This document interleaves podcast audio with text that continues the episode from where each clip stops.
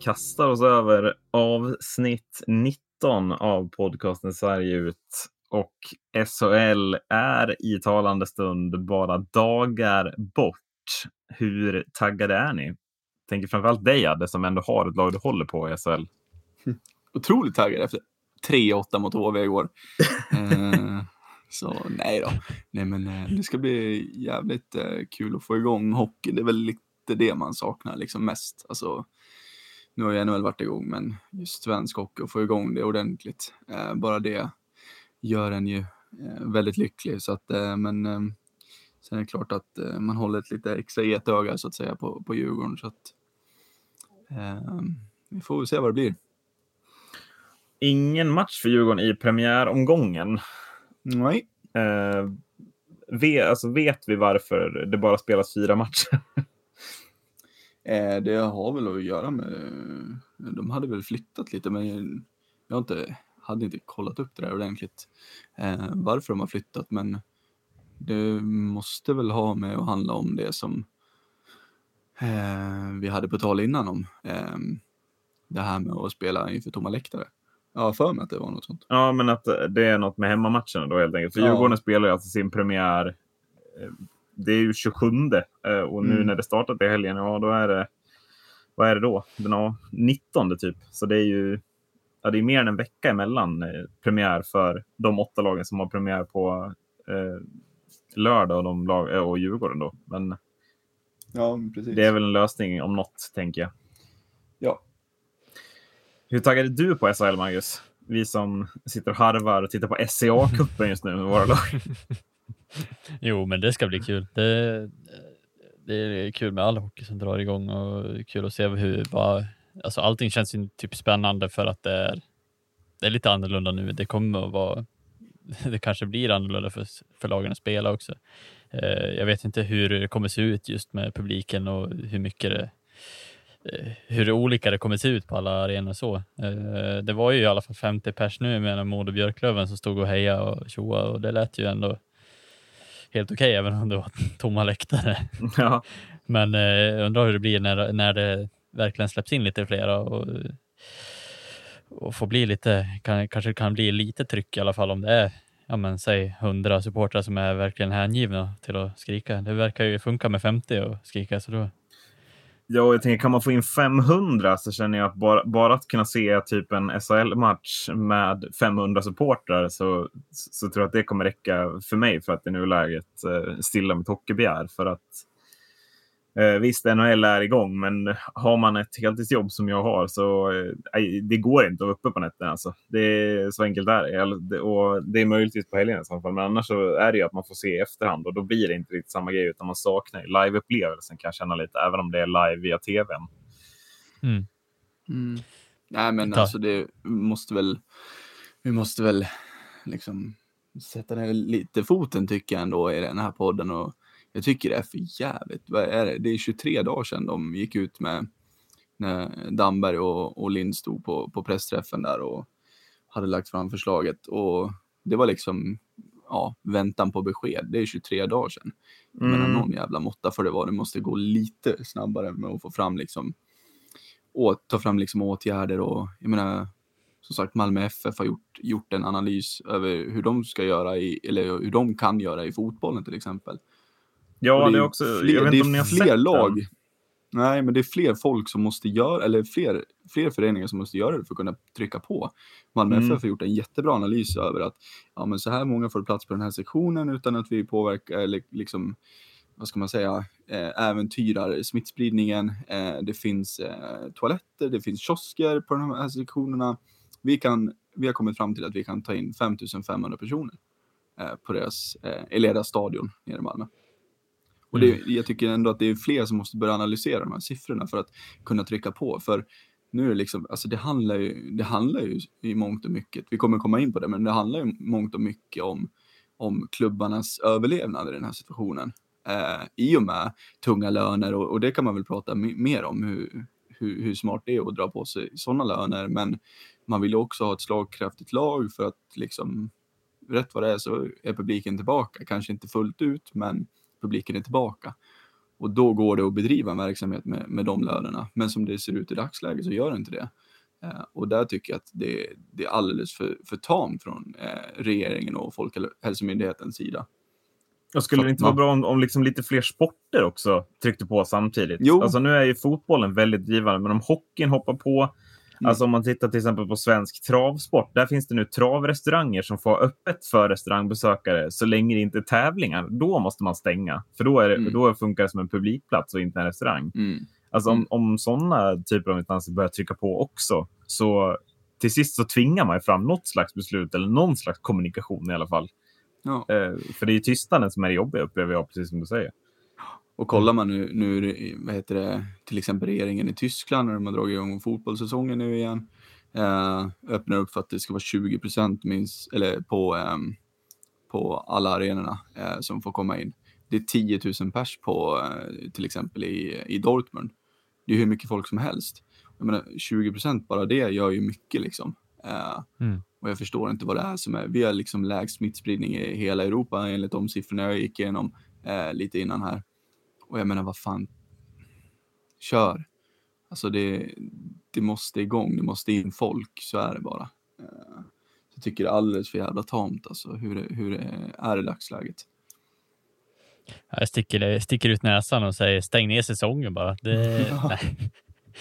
nej, men eh, skämt åsido. Det, eh, faktiskt så stängde väl Storbritanniens högsta liga ner säsongen helt, eh, såg jag nu. Eh, och för att dra paralleller tillbaks hit så är det ju, det, eh, det var anledningen eh, anledningen bakom det var på grund av att lagen inte hade råd att bedriva verksamheten utan Mm. publik på sina matcher. Ehm, Mm. Och det blir väl lite som, som vi kommer att dra här också, att, att, eh, många lag, även i högsta ligan och fler lag, kommer inte kunna bedriva verksamheten om det ser ut som det gör idag.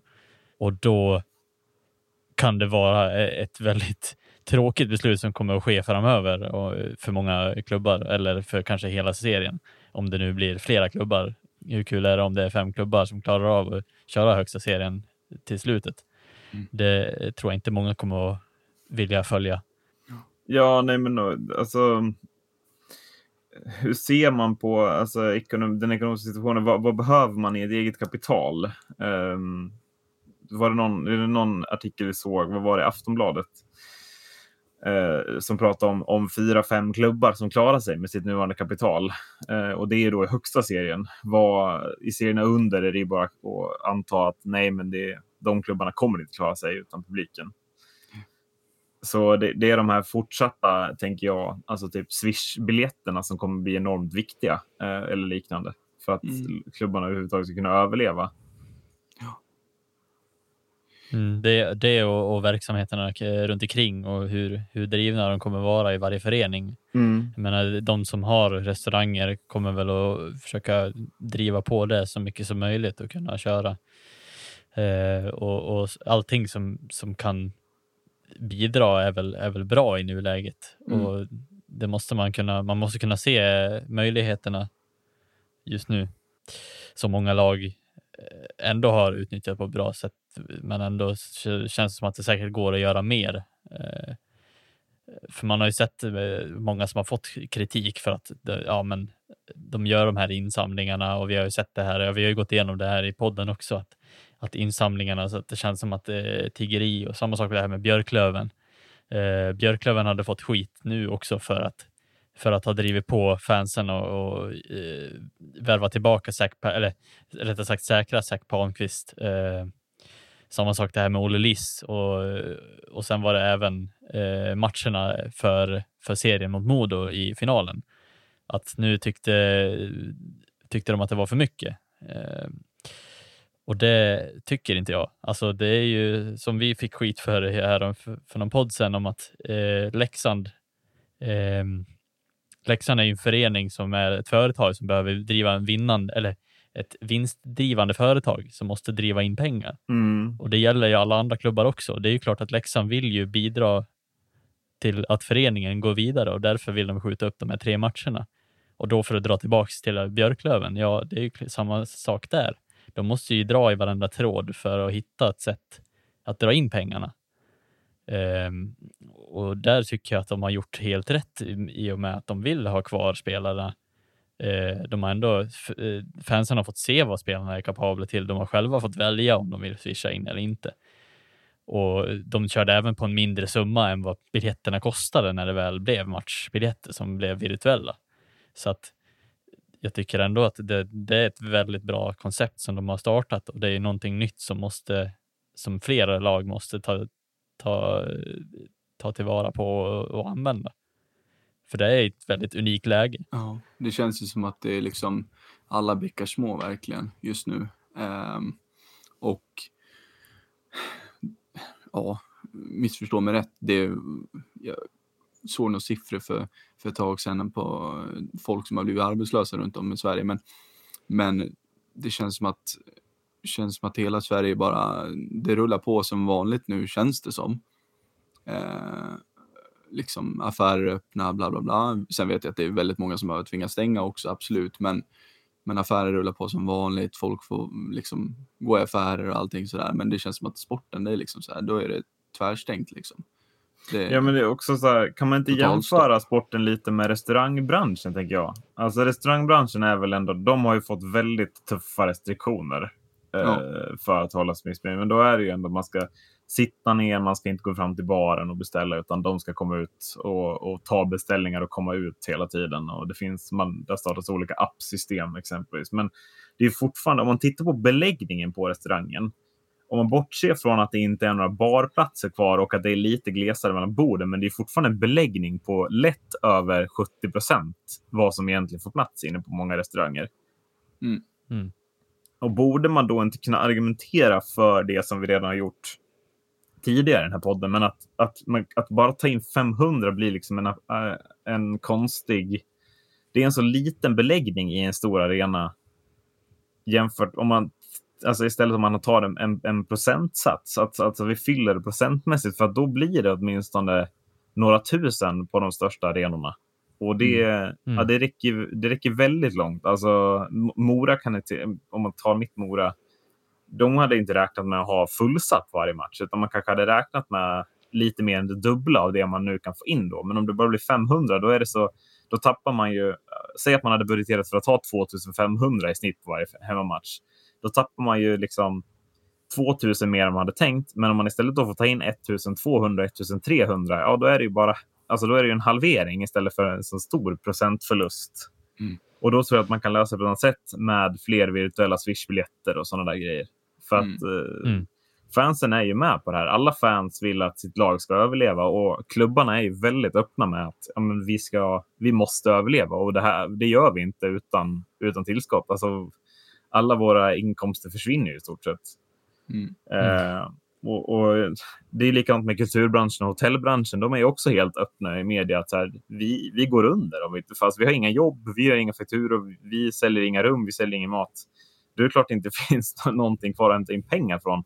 Men då måste man kunna hitta lösningar för det istället för att bara gå på en siffra och argumentera bort det med att det ska vara i, i kollektivtrafiken som, Mm. som det, liksom, störningarna finns. Men kollar du, kollar du till exempel på alla klubbar i, i ja, allsvenskan framför allt då, eh, i, i eh, fotbollen så, så, säger, så säger de att liksom så här, ja, men 500 det är liksom då kommer vi köra utan, eh, utan publik överhuvudtaget. Då skiter vi i de där 500 för att alltså 500 pers det blir ju liksom, det gör ingen skillnad. Det är ju liksom, det blir minus, det blir minus istället. Även fast att de liksom eh, det kostar ju, varje match kostar ju att, att hantera. Eh, men tar du in 500 då lär det liksom, då kommer det kosta lite extra och de 500 drar inte in så mycket pengar som, så de går ju fortfarande minus. Att 500 pers, det, det gör liksom ingen skillnad Nej, i det hela. Så att, ja, det måste ju liksom till någon jävla snille nu för att få fart på det och det måste ju ske nu tycker jag. Kan ju inte liksom vänta i en halv månad till liksom på, på besked från, ja men kommer de här 500 personerna att börja gälla från första oktober eller inte? Men det är så här 500 personer, det är liksom, fan, kom igen. För 500 personer är väl ett, eh, är ett förslag som gäller hela Hockeysverige va? Mm. Ja, oavsett storlek, oavsett fansunderlag, alltså oavsett allting. Och där om man tar det liksom bakifrån och så här, eh, hur blir det med en hall som tar 500 pers eller ja, knappt ens det? Att, vad, Ja. Kommer de att pusha på att ta in 500 pers och sitta som vanligt ändå? Nej, du måste ju ha sittande publik. Så att du måste ju ha en hall med numrerade stolar. Så att säga att om du till exempel, jag vet inte, men vi tar Falu ishall som ett exempel. Där finns det ju inte 500 numrerade platser. Jo. utan då får du bara använda dig av de numrerade Ja. platserna. Jo, 500 det finns numrerade fem- Ja, platser okej, finns det men exempel. inte stolar. Mm. Ja. Och där, kan, där är ju frågan om man kan dra liksom en, en rövare och hur många klubbar kommer att dra en rövare bara för att gå runt ekonomiskt. Jag tänker mer uppemot division 2, division 1. Ja, nej, men det är ju det är ju Att- där problemet Alltså, och som sagt, det är, som du säger, det är ju division 1, division 2. Det är ju där sådana lösningar kommer vara intressanta. För att i Hockeyallsvenskan och SL, där finns det inga problem att lösa 500 pers. Det går in i vilken hall Mm. som helst i de ligorna. Liksom. Ja, men jag tänker att va, varför inte dra en procentsats av antal sittplatser som finns? För att det hade ju varit mycket bättre för avståndet för hela den här eh, hela Hockeysverige egentligen. Mm. Att, ja men, säg att man sätter den på 20-25 procent. Att, att, eh, då blir det ju liksom så här, ja men i en hall så är det ju trångt om det är 500 pers där inne. Mm. Men i en annan hall kanske det är liksom, det är Skandinavium, det sitter I fan Skandinavien ekar det ju En- om det är 500 pers. Ja, precis. Alltså, det är ja, bara då, ett stort då kan man eko. sätta 500 meter. Ja. Då kan sätta 500 meter mellan varje person. ju, känns det. Nej, men alltså, det, det är liksom, det är så väldigt konstigt upplagt för att det blir, ja, det, det blir väl antingen så sätter man ingenting alls eller så sätter man, ja, procentsats känns som. För att 500 pers, det blir liksom så här, det blir inte bra för någonting Nej, men. Men hur ser vi om man tittar typ på värvningar då? Det har ju gjorts många värvningar, många dyra värvningar till lag som inte klarar den här egna kapitalet då om man ser till corona. Alltså, man förstår ju att det sticker i ögonen på den som inte är, är sportintresserad, men, men någonstans Alltså ser, ser ni att vissa värvningar borde ha stoppats eller att man borde ha tagit pengarna och sparat vissa värvningar? Eller hur ser ni på det där? Jag ty- tycker det är så svår, svår fråga att avgöra vad man egentligen Ja. tycker någonstans. Ja, det är en jättesvår balansgång, det är ju det. Um, men det är alltså, det är, det är deras jobb, stjärnorna, stjärnorna som spelar i, i SHL och, och Hockeyallsvenskan, det är deras jobb. Um, och de vill ha betalt efter sin förmåga att göra sitt jobb. Um, och ja, jag menar det, det är klart att varje individ eh, alltså kan dra sitt strå, strå till stacken och, och um, typ gå ner i lön och så vidare. Men det är liksom, det är ingen måste, utan det, är- det är en jättesvår balansgång för att klubbarna vill ändå liksom, de vill ha ett slagkraftigt lag. För jag menar, säg, säg då att eh, helt plötsligt så får det komma in ja, 2000 pers i, i Löfbergs arena, arena i, i Karlstad. Mm. Eh, och helt plötsligt så får du in pengar. Ehm, och det är den balansgången som är jättesvår. Så att, ja, okej, det kan vara uppehåll väldigt länge utan publik. Men det kan även dra igång ganska snabbt eh, i och med hur det ser ut runt om i sportvärlden, tänker jag. Eh, Mm. Så det är jättesvår balansgång och man vill ju ha som sagt ett slagkraftigt lag och ett slagkraftigt lag får du inte av att bygga ett lag på, på spelare som, som har 50 000 i månaden, alla spelare. Det får du tyvärr inte i, i eh, dagens hockey eller sportvärld överhuvudtaget. Då. Så att, ja, det, är- det är svårt, men ehm, ja, jag förstår ju klubbarna också som lägger pengarna på spelarna. Jag, jag gör ju det. Och det är som du sa Erik också, så här, utifrån sett, alltså så här, folk som inte är insatta så, och som skriker att de, det är jättehöga löner och sådär. Ja, men de drar in pengar också. Alltså själva spelarna liksom. På, det är liksom souvenirer och ja, men allt sånt där. Alltså det, är, det är en jättesvår balansgång men det är klart att de ska ha betalt för det de gör tycker jag. Mm. Nej, men det är just det som sticker ut som vi sa innan också, att det är ju det är ju de lagen som har den bästa egna, det bästa egna kapitalet som inte har gjort de här dundervärvningen om man säger så. Eh, nu har de väl gjort någon enstaka som har varit ganska bra, men det, det känns lite som att det är ja, men fjolårets bottenlag har väl närmat avståndet till toppen. Och det är väl där också som ekonomin har sett ut ungefär som tabellen i princip mm. nästan. Inte riktigt stämmer i alla fall, men eh, det, och det förstår man ju ändå att de vill ju, som Adde säger, de vill väl chansa lite också. Alltså de, de vill ju chansa på att nu har vi chansen att göra, eh, göra den här, det här steget och det kan ju i slutändan sluta med att ja, men, om det nu hade kommit, fått komma in 2000-3000 pers nu i oktober, ja men då hade det ju varit en, en dundervinst för, för klubbarna att få dessutom ha langat de här perfekta värvningarna också. Um, och, och då också kanske säkra eh, lite aktier i den högsta liga som de vill, vi, vara kvar i. För de vet att vad som gäller. Liksom. Det handlar om att undvika de två sista platserna och då måste man försöka konkurrera och det blir ju tyvärr så att de, de bottenlagen kommer ju gå hårdast ut för de måste chansa. De har inte råd att åka ner. Nej, men precis. Där i, träffar du något. För att, alltså, vad kostar det att åka ur SHL? Mm. Det måste ju mm. vara en större förlust i eget kapital än att, alltså nu, än att inte kommer bli på matcherna när man spelar i högsta ligan, tänker jag. Mm. Och kan man undvika det samtidigt som publiken kommer tillbaka, ja då gör man nog en, en vinst ändå ekonomiskt som förening i SHL.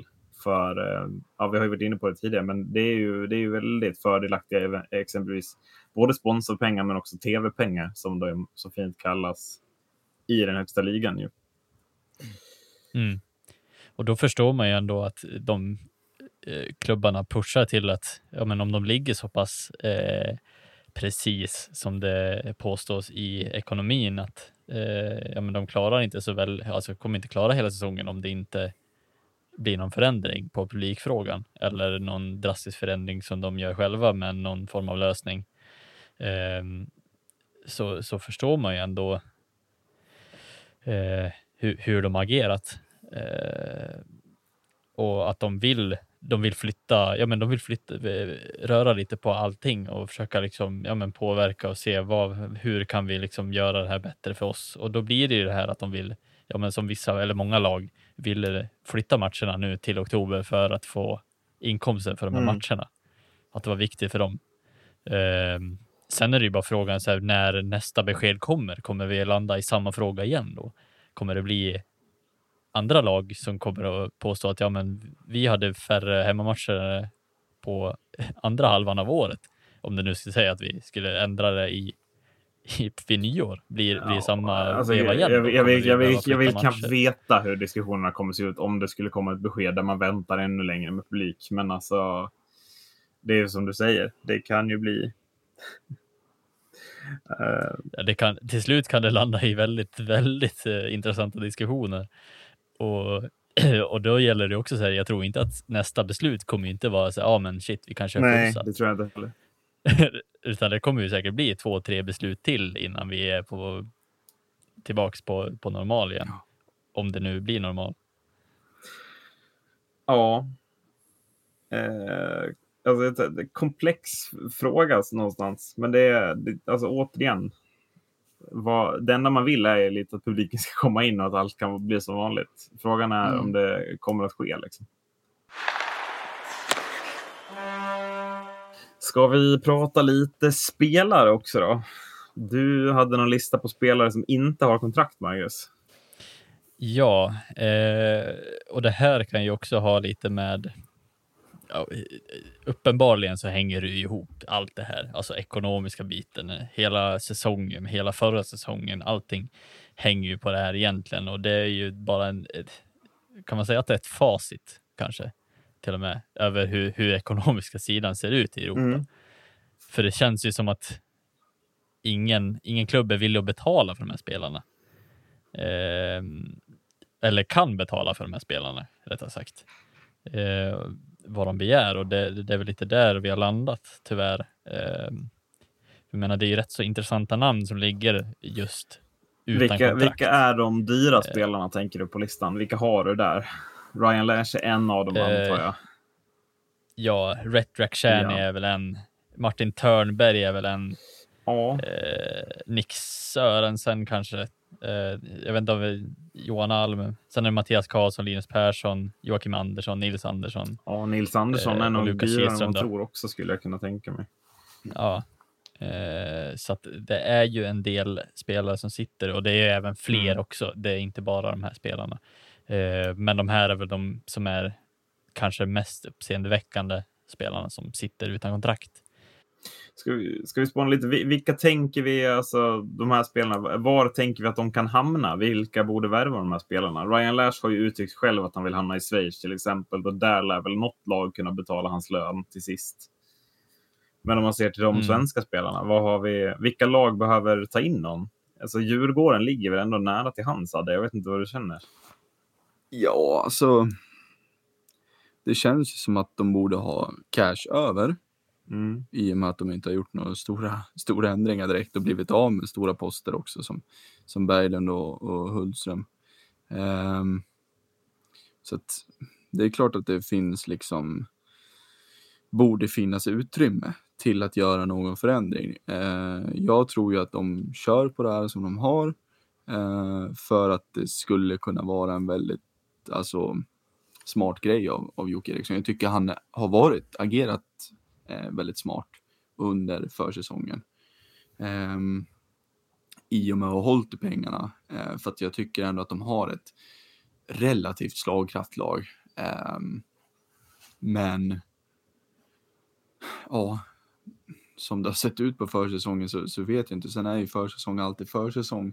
Det vet ju folk om. Eh, men jag tror att man inleder med, med det laget man har eh, och sen får man ta det därifrån.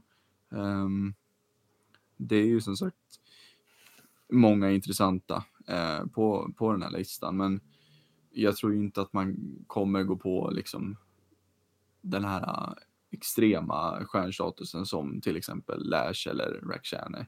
Eh, nu har väl Nisse Andersson rätt hög stjärnstatus tycker jag Mm. väl ändå, men han ser jag väl som ett, som ett helt alternativ. Backsidan kanske inte är det vi behöver förstärka, men där får vi in en ersättare till, till Hultström som alltså en gedigen ersättare. Ja, verkligen. Ehm, så att, och det, det beror väl också på, på vad Jocke och, och gänget tycker de behöver förstärka. Eh, nu är, väl som sagt backsidan inte det vi borde förstärka utan vi borde gå efter en forward i så fall. Men ja, man får ju liksom plocka det som finns och som sagt sen är det ekonomin som ska in också. Um, men pengar borde finnas um, till att göra förändringar. Uh, och det tror jag nog att uh, att Djurgården kommer att utnyttja under säsongen om det fortsätter att se ut som det har gjort på försäsongen, absolut. Ja, man undrar ju om det, om det är något, eh, alltså om, om man tänker nu att spelarna, eh, för det tycker jag ändå också man har sett lite att spelarna kanske också visar upp en desperat sida. Jag tänker på Patrik Berglund som, som var väldigt eh, på med att han ville signa tidigt. Men han hade kunnat hålla ut och vänta vad Djurgården gjorde, men han ville ju säkra ett kontrakt. För om Djurgården hade sagt nej, då kanske inte Brynäs hade haft möjligheten till att värva honom. Ehm, och jag tänker att det här kanske är lite resultatet efter att ja, men Berglund kanske var smart där. Han ville signa tidigt för han visste att det kanske kan bli så här. Det sitter liksom spelare som är givna i, i ett lag, eh, i vilket lag som helst i SHL egentligen, många av de här. Och, och så sitter de där ändå utan kontrakt, bara för att de ville någon annanstans. Ehm, att det kanske till slut slutar med att de måste ta ett beslut som de inte gillar eller som inte blir bra för deras löne, löneanspråk. Eh, jag tänker på allsvenskan till exempel, att, att det kanske kan vara någon, någon spelare som tvingas skriva på ett kontrakt av de här eh, i allsvenskan bara för att ja, men det finns inget annat alternativ. Eh, och då kanske man måste sänka sig enormt för att, för att ens kunna få plats där inom budget. Så att eh, det kan ju, kan ju bli sådana drastiska, men jag tror väl ändå att det, någonstans måste väl ett SHL-lag komma med ett anbud någon gång och som de tackar ja till känner jag. Ja, men är det inte märkligt att en sån spelare som till exempel Joakim Andersson inte har en klubb klar i det här läget? Alltså, visst, han har inte gjort alltså, supersäsonger har han inte gjort i HV, men han har inte på något sätt varit en dålig SHL-spelare och jag tänker att ett lag längre ner i en förväntad tabell än HV71 absolut skulle ha nytta av Joakim Andersson. Eller mm. är det någonting där som jag inte ser? Jag vet, men, vilka kan tänkas ta in honom? Ett sånt lag som Oskarshamn borde väl kanske gå för Joakim Andersson. Eller är det helt out there att tro att, bo att botten... Alltså, han var i HV förra året, inte långt till Oskarshamn därifrån. Och han får ju en roll långt fram i, i kedjesystemet där, garanterat. Mm. Men det är väl också att man är lite bevarande i ekonomiska sidan. Jag menar, Oskarshamn är ju det lag som har värvat absolut flest från allsvenskan. Ja, men precis. Och då kanske man behöver en profilvärvning, tänker jag. Ja. Ja, det är ju bara i så fall om det är ekonomin som stoppar dem från att ja. göra den värvningen. För jag tycker ju att någon på listan borde vara intressant för Oskarshamn. Eller alla på listan borde. Ja, men också så här, det är så många lag som har gjort en Swish-insamling. Jag har inte sett någon Swish-insamling i Oskarshamn. Är det, är det helt fel att, att liksom, ja, men nu tar vi chansen att signa? Spelaren kommer troligtvis kunna gå ner i lön. Han eh, kan bo kvar där han bor i nuläget och han spetsar vårt mm. lag. Mm. Uh, Oskarshamn är ju tippade i botten av alla. Alla experter av podcasten sarg ut också, ska gudarna veta. Alltså, mm. någonting måste man ju göra för, för att sudda ut jumbostämpeln man har fått i pannan, tänker jag. Mm. Då kanske man måste göra en sån vågad satsning som de lagen ovanför har gjort eh, med sina värvningar och det kanske är så att det är en, en Swish-insamling eller en eh, ja, en chansning helt enkelt. Alltså chansa på att vi, vi vet att vi kanske inte har den absolut största möjligheten, men vi kan göra den lite större med den här spelaren. Nej, men precis, för som du är inne på också, lagen ovanför är ju i detta fall främst Malmö, Linköping och Leksand, tänker jag. Och det mm. finns ju en anledning till att Malmö är tippade av många att bli på plats 13. Det är ju att Linköping och Leksand verkligen har gått, gått in för att inte hamna i botten den här säsongen. Man har värvat mm. jättemycket mm. spelare medan Malmö har varit ganska passiva på marknaden. Det är bröderna Westerholm och någon dansk back typ. Mm. Men mm. även Malmö borde väl ha kapital kvar att kunna signa någon av de här spelarna som, som vi precis har nämnt som inte har ett kontrakt, tänker jag. Men det kanske är Rakhshani där då, på ett artistkontrakt. Mm. Ja. ja. det är... Nej, men det är liksom... Det är som, som ni säger, att de måste ju... Känns som att de måste börja kunna plocka upp lite de här eh, lagen som, som är tippade att vara i botten. För det finns ju bra spelare utan kontrakt och då känns det som att de borde kunna hitta på något sätt att kunna plocka upp dem. Ehm, för de, alltså spelarna vill ju heller inte sitta bara och inte göra någonting liksom. De vill ju tjäna pengar och göra det de tycker är absolut roligast i livet liksom, att spela hockey. Så att någon lösning borde ju gå att få ihop tycker man ju. Mm. Är det, är, är det en podd eh, enbart om eh, den dåliga tajmingen av eh, att ändra seriesystemet eller ändra kvalsystemet precis inför det här året? Fast kanske inte ändå, för jag tror att det kan vara nyttigt att något lag åker ur SHL, för annars fanns det en jäkla risk för att de distanserar sig den här säsongen kan jag känna. Att äh, Oskarshamns lag är så pass bra att det egentligen bara är Björklöven tycker jag som hade kunnat utmana Oskarshamn och det säger inte lite. Nej, ehm. så är det ju. Men jag tänker mig mer ur ett ekonomiskt perspektiv, eh, vi måste tänka så. Ja, det, det blir ju för sig fler tävlingsmatcher för de allsvenska lagen med slutspelsmatcherna och då, det kommer ju locka publik, tänker jag. Så mm. kanske, ja, det återstår kanske lite att se. Mm. Jag tänker med, mest för fallhöjden för SHL-lag som eventuellt åker ur, eller kommer att åka ur med säkerhet. Ja, så eh. tänker jag. Ja, där har du väl. Men, men eh, ja, det är någonstans att... smällen svensk, något lag måste ta för att svensk ishockey inte ska bli låst eh, mm. med en serie med 14 lag som för evigt blir de 14 lagen och, och aldrig några andra, tänker jag. Jo, jo, precis. Jag tänker, ehm, de fick ju ändå 3 miljoner för bortfallen serie som aldrig spelades. Mm. Och det är ju betydligt mer pengar än tre miljoner om du spelar bäst av, ja men säg att det blir fyra matcher. Eh, så att eh, speciellt om det är, eh, ja men säg Malmö, Leksand eller vem som nu hamnar, eller Oskarshamn eller ja, jag vet inte om Oskarshamn kanske drar in de stora pengarna med sin hall, men om det blir ett lag som har lite större hall så blir det ju ja, tyngre. Ja, då blir det nya Swish-insamlingar. Ja, det, Eh, SHL startar ju då till helgen och vi kanske ska snacka upp SHL lite ytterligare har eh, vi tänkt. Eh, så jag skickade till er i eftermiddag så att vi tar ut varsina två spelare som vi är lite sugna på att se, eh, som vi tror kan slå igenom den här säsongen. Eh, och då tänker jag inte på spelare som vi vet redan är bra, utan kanske unga förmågor eller intressanta nyförvärv från lägre ligor. Eh, har ni hittat två namn, grabbar? Mm, ja, det har vi väl Ja. gjort.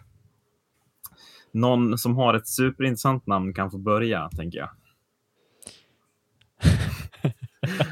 jag tycker mina är super. Ja, jag, konstig formulering från. Ja, Men kör du, Marcus. Jag känner att du, du känns het idag. Alltså. Alltså, just, just på superhet och där går det väl inte att ta bort den, den glödheta stenen som redan vi, vi alla tre tror jag har lagt vid den här killens fötter. Och det är väl eh, Drury i Växjö. Som kommer bli superkul att se om han lyckas. Hur Eh, har hans försäsong varit? Vad vet vi om den?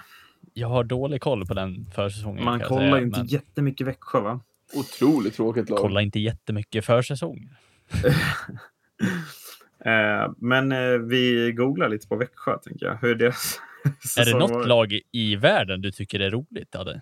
Jag tänkte bara Alltså, flika okej. in där. ja, Djurgården. Ja, Djurgården och Falu IF. Nej men alltså vad fan, det är så jävla många tråkiga lag. Vad fan, Dallas Stars, vad fan ska de göra i en jävla final? Och Boston är så jävla bedrövliga. Och så ja, Leksand och, och Växjö och Skellefteå. Fy fan. Ja, det låter som, som Ros efter första perioden då Björklöven underpresterade ungefär. Alltså, jag har aldrig sett någon så be, alltså, bedrö... Eller så här, all, aldrig sett någon som har varit så arg på ett lag han inte håller på riktigt. Eller Nej, men, lite du hade så här. Du, du blir arg på lag som är tråkiga. Det är så här. ja, men det är ju så. Ja, nej men eh, Drury, alltså, han har ju gjort sina kassa och sina assist på försäsongen. Eh, men vilken typ av poängproduktion förväntar du dig från Drury, Marcus? Alltså vad... Alltså förväntar Jag ser väl mer en, en spelare som bidrar med lite eh, ja, men, lite kreativitet, lite, lite fart, lite eh, ja, men mål också. Jag tror att det säkert kommer att bidra med en hel del. Eh, som vi sa här för någon podd sen också, han har ju ett fantastiskt, eh, fantastisk statistik från, från sin juniorliga borta i USA där flera av, av nuvarande NHL-stjärnor har spelat och, och lyckats sämre kan man säga. Så att eh, jag tror väl ändå att eh, om det inte totalt skär sig eh, genom flytten till Sverige eller någonting sånt, eller Växjö för, kan ju också, man vet ju inte, lagbygge och så vidare. Mm. Men eh, ja, alltså, så länge det inte skär sig där någonstans så tror jag att den här spelaren kommer att vara en, en, en riktigt bra spelare. Sen ska det ju påpekas att han är ju fortfarande ung. Det är ju, men det är ju så intressant att se unga spelare lyckas i den här ligan, för jag tycker det ser oftare oftare unga spelare som tar klivet in och med självförtroende. Vilket eh, fullbordar min, min seg segway över till nästa spelare som jag valt och det är Mattias Norlinder. Och, och här har vi också nästa spelare. Jag menar, det behöver inte säga mer än att han gjorde hattrick i försäsongen och han ser otroligt bra ut just nu. Eh, och jag hoppas verkligen att han lossnar som spelare i SHL och verkligen får ut för att han får en välförtjänt plats i något NHL-lag framöver. Hur, hur viktigt blir det för de här spelarna att inte vara, alltså först, alltså Drury blir ju andra center exempelvis och Norlinder blir väl tredje back, fjärde back någonstans i Frölunda kanske. Alltså, är det viktigt för dem att inte vara första back och första center eller tror ni att de hade kunnat axla de rollerna också? Eh, svårt att säga. Jag tror att, att Norlinder hade nog kunnat axlat den lite bättre nästan eftersom han fick, han hade ju den rollen i Modo Ja, tillsammans med Tobias Enström som eh, säkert har varit en fantastisk mentor att ha mm. bredvid sig. Eh, och jag tror inte att han har haft något problem med det i Frölunda. Men eh, och sen är ju Frölunda, de är ju välkända för att ge chans till, till yngre spelare och jag tror att han kommer få spela rätt så mycket oavsett vart han spelar. Um, så att jag tror inte att det kommer vara något större problem att han spelar längre ner. Uh, men det ska bli intressant att se hur, hur han klarar av uppgiften uh, under seriesäsong också, för det är två helt olika saker, försäsong och serie, uh, upplever jag. Tror du Drury hade, kommer, alltså, kommer det vara bra eller dåligt för honom att inte vara första center? Det är väl klart att det alltid är bra på ett sätt, alltså att att inte få den, den typen av, av roll det första man får när man kommer till en helt ny liga. Eh, större, större, större liksom is, isyta. Eh, ja, men allt sånt där. Det är klart att det är bra att kanske inte få eh, ja, men få den typen av, av roll direkt eh, för att kunna växa in i det. Eh, men sen är det klart, sen har vi inte en, ja, inte en aning om hur, hur Drury hade, hade axlat en första, första lina roll. Liksom. Ja, men, du ska vara första center, det är du som, som ska producera. Han kanske bara, ja, fine. Och så går han ut och gör 45 pinnar i år. Det, det vet man ju inte. Uh... Nej, men för att det är ju den rollen han har axlat på Harvard University, i, alltså i college-ligan, mm. tänker jag.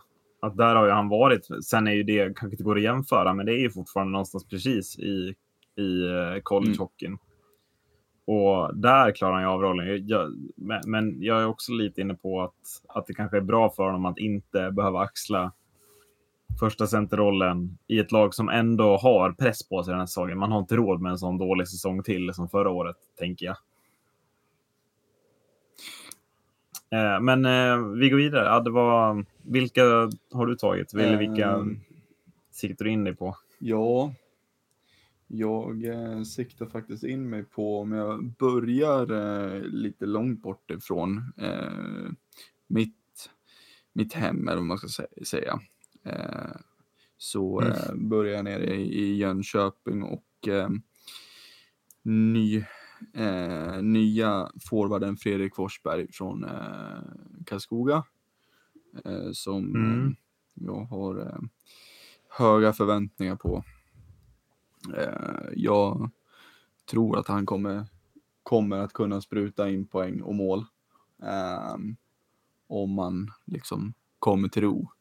Ehm, om man får liksom den, dels den tiden för att anpassa sig i en, i en bättre liga än vad Hockeyallsvenskan är. Eller en bättre liga, men det är ett annat sätt att spela. Ehm, men men också att han får de, de kedjekamraterna som han trivs med. Liksom. Uh, och då, då tror jag att han kommer göra över 20 mål i år. Um, mm. Men det handlar liksom handlar om att han ska kunna att han ska anpassa sig till ett mer inte lika eh, mycket fart och fläkt som det är i, i Hockeyallsvenskan där det mest är att tuta och köra. Eh, lite mer offensivt tycker jag. Än vad, än vad SHL är. Så det handlar bara om att anpassa sig och göra det rätt och göra, få han liksom den kunskapen runt om sig så, som jag är helt hundra på att han kommer ha i, i HV med tanke på deras eh, fina lag som de har i år. Men eh, eh kommer han till ro och allting så, att, så kommer han göra över 20 mål och det är jag ganska säker på faktiskt. Um, mm. Mm. Jag säger inte emot dig någonstans, men samtidigt så tycker jag att det finns risk för, eh, för att det kommer gå lite fort för Erik Forsberg. Mm. Trots allt. Eh, det är mycket stå på bortre och skjuta i, i Hockeysvenskan. Jag vet inte riktigt om den ytan kommer finnas i SHL eh, mot skickliga backar. Men eh, det är klart att någonstans unnar man det hon, alltså unnar man honom det lite också. Han har ju haft det tufft i skuggan av Filip liksom. Eh, och kraven har ju varit att han ska vara den nya Filip också, vilket ju är helt orealistiska krav någonstans. Men kanske att, eh, att det är den typen av... Alltså, alltså att med, med, lite mindre press på sig i HV och efter en bra sång i Allsvenskan så kanske det lossnar. Ja, jag. ja, som du sa, man mm. undrar honom, så man hoppas att det kommer att lossna ordentligt. Um... Nästa är från hemmaplan då, tolkar jag din, din utläggning innan. Det, det är alltså inte, inte från Falun då, utan, utan, Nej, nej, nej, här finns det inte många eh, Johanneshov. Eh, men också en eh, writare från, eh, som kom från Vita Hästen, Linus Andersson. Eh, mm. Som har, eh, ja men han har sett intressant ut och Djurgården spelar lite sånt spel också. Det är ju mycket ute och köra.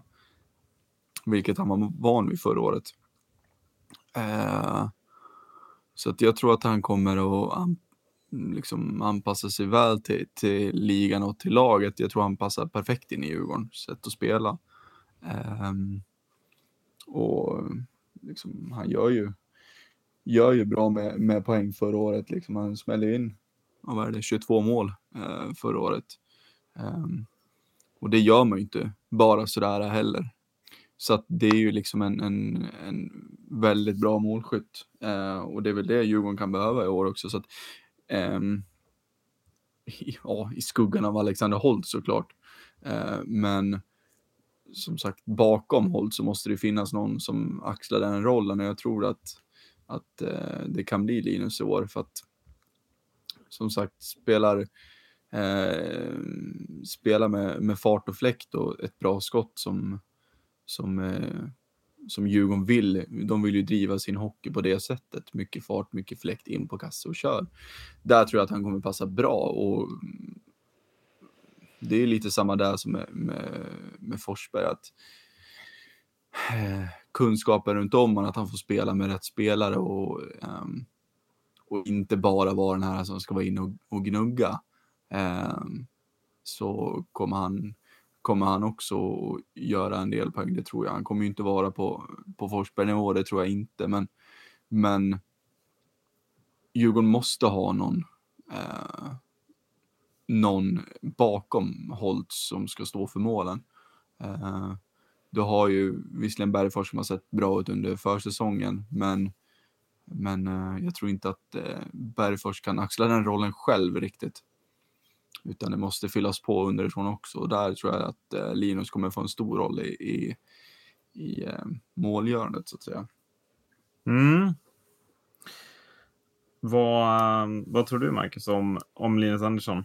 Vi såg honom i Allsvenskan förra året och jag måste säga att jag var, jag var väldigt imponerad av matchen han spelade mot Mora i alla fall. Eh, såg såg honom live i um, Mora vann den matchen med 2-1 i och för sig och han gjorde inget mål, men han skapade ju mycket lägen, äh, inte bara genom att få passningar till sig utan också på egen hand i den matchen. Uh, och jag tror att han kan passa sig väldigt bra, Andersson. Mm. Ja, alltså det gäller väl att hitta, hitta rätt på en gång egentligen. Uh, det är ju ett stort steg, kanske större än vad man tror. Det är väl mest, eh, jag kan inte påstå att det är på grund av tempot eller någonting sånt, utan det är mer det taktiska i SHL är en annan, eh, en helt annan grej än i allsvenskan och, och det gäller väl att bara hitta sin roll och, och hitta den på rätt sätt i, i SHL så tror jag att han kommer lyckas. Um, och det är samma, gäller samma med Fredrik Forsberg också, alltså att hitta de här två sina roller i SHL, då kommer de att lyckas. Mm. Men eh, om de bara åker runt som det är i, i allsvenskan, att det är fart, fläkt fram och tillbaka, så kanske det inte kommer att hända så mycket. Eh, utan det, det, är mer att, eh, viktigt för dem att verkligen hitta rätt på en gång eh, och tidigt få, få utdelning för det, så tror jag att de garanterat kommer att passa väldigt bra i SHL. Mm, jag ska nämna mina två snabbt. Du, ska få, du måste ju iväg, Marcus. Det är helt sjukt vad vi spelar in på liten tid här. Eh, men jag, jag lägger upp framförallt den jag vill prata om så att vi hinner prata om den kort. Jag, I vår genomgång av SHL så sa jag, jag tippade ju HV2 egentligen av en anledning och det var ju lite att jag tyckte att backsidan kanske ser lite sårbar ut i HV. Eh, när jag däremot ser HV på försäsongen så har de en ung kille född 02 på backsidan som jag tror kanske blir nyckeln för att den där backsidan inte ska vara så ostabil. Eh, Emil André, Andrae, jag vet inte hur han uttalar det. Andrae. Dr. Dre. Eh, eh, men sjukt vad jag imponeras av den här, den här killen. Eh, som eh, på försäsongen står inte bara för massor av poäng utan också för en enorm stabilitet. Var, alltså jag tror han kan bli, han kan bli en toppback i HV. Alltså. Ja, det jag. jag såg lite eh, lite igår. Eh, och eh, han, eh, ser väldigt intressant ut.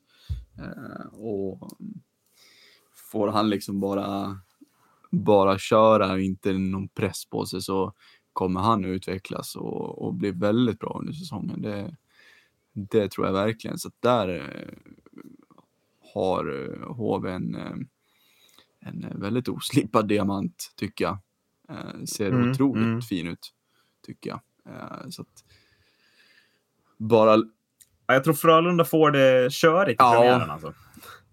Mot Ja, det här HV. det tror jag också. Det- Nej, men så låt han flyga liksom. Då, det är lite så. Det jag vill komma fram till att, att låt det ta den tid det tar.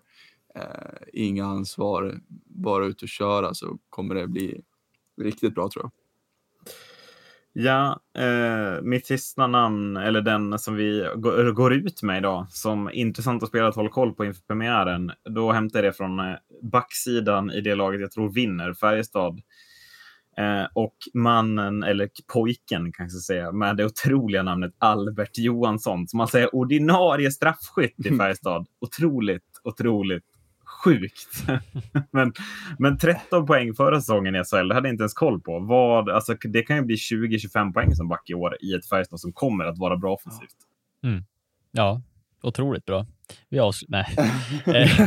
Nej, nej, så stressigt är det inte. Men eh, ja, nej, alltså absolut. Det är ju en, en spelare som, som såg, eh, alltså så här, ja men 13 poäng i SHL är inte bara 13 poäng. Alltså det gör man ju inte eh, som så, så ung och som back heller. Eh, och vara ordinarie straffskytt i Färjestad är också imponerande. Men eh, som du säger, deras offensiv är ju riktigt bra. Det visar på hur, hur bra framåt han är och hur kreativ han borde kunna vara. Mm, Eh, verkligen. Så att, eh, ja, det är eh, intressant. Jag har inte funderat över den här spelaren alls. Eh, inte din förra spelare heller eh, för den delen. Nej, jag känner Så mig att- extremt nöjd med mina val. Ja, av någon anledning. Så att, eh, ja, absolut. Det här kommer ju verkligen öppna upp mina ögon och Ja. se liksom bredare. Men det är, ja, nej, men precis. Eh, men eh, ja, eh, Forsberg, Andersson, två right-skyttar. Eh, Andrea och eh, Johansson, två unga backar. Och sen Drury och Norlinder, och två unga spelare med enorma förväntningar på sig. Eh, det känns väl som en bra summering av årets SHL någonstans spelarmässigt. Att shit vilken säsong det kommer bli. Mm. Eh, klart. och är det, ska, är det det vi går ut på kanske? Eller har ni något mer ni vill lyfta? Ge oss fullsatta arenor igen. så vi kan släppa det. Nej. Ja, det, Nej, det, men- det är självklart de orden vi Ja. ska gå ut på. Det känns ju som att vi hela tiden sitter och spelar på förra årets säsong. Liksom. Ja, men Så precis. att, eh, ge oss bara liksom, ja, ja vi hoppas att det, det bara släpper helt Mm. enkelt. Men eh, Marcus, du ska upp till lugnet här. Det är sen träning för nya BK Åkra. Mm. Det är trevligt. Starttid alltså 22.00 en Ja. onsdag. Det är alltså Uttalad- seriöst. Ja, ja, ja, det är seriöst. Ja. Jag är Mm. uttalad videocoach nu så att eh, Ja. vi kommer ju gå igenom eh, motståndet i division 3 och så kommer vi verkligen att sätta spelstrategin på rätt plats. nu. Nej, Mm, mm. ja, nej men eh, nej, skämt åsido, det, det är kul att få åka upp och kolla lite hockey. Även Forrest. Gump. Men, men jag, jag, tänker då att om du ser att liksom strategin i egen zon inte funkar skitbra. Vilket råd eh, alltså, ger du då till backarna i BK Åkra som snabbast ska ta sig ur zon? Det är sarg ut. Det är sarg ut. Eh, Tack för att ni har lyssnat. Hej då. Hej då.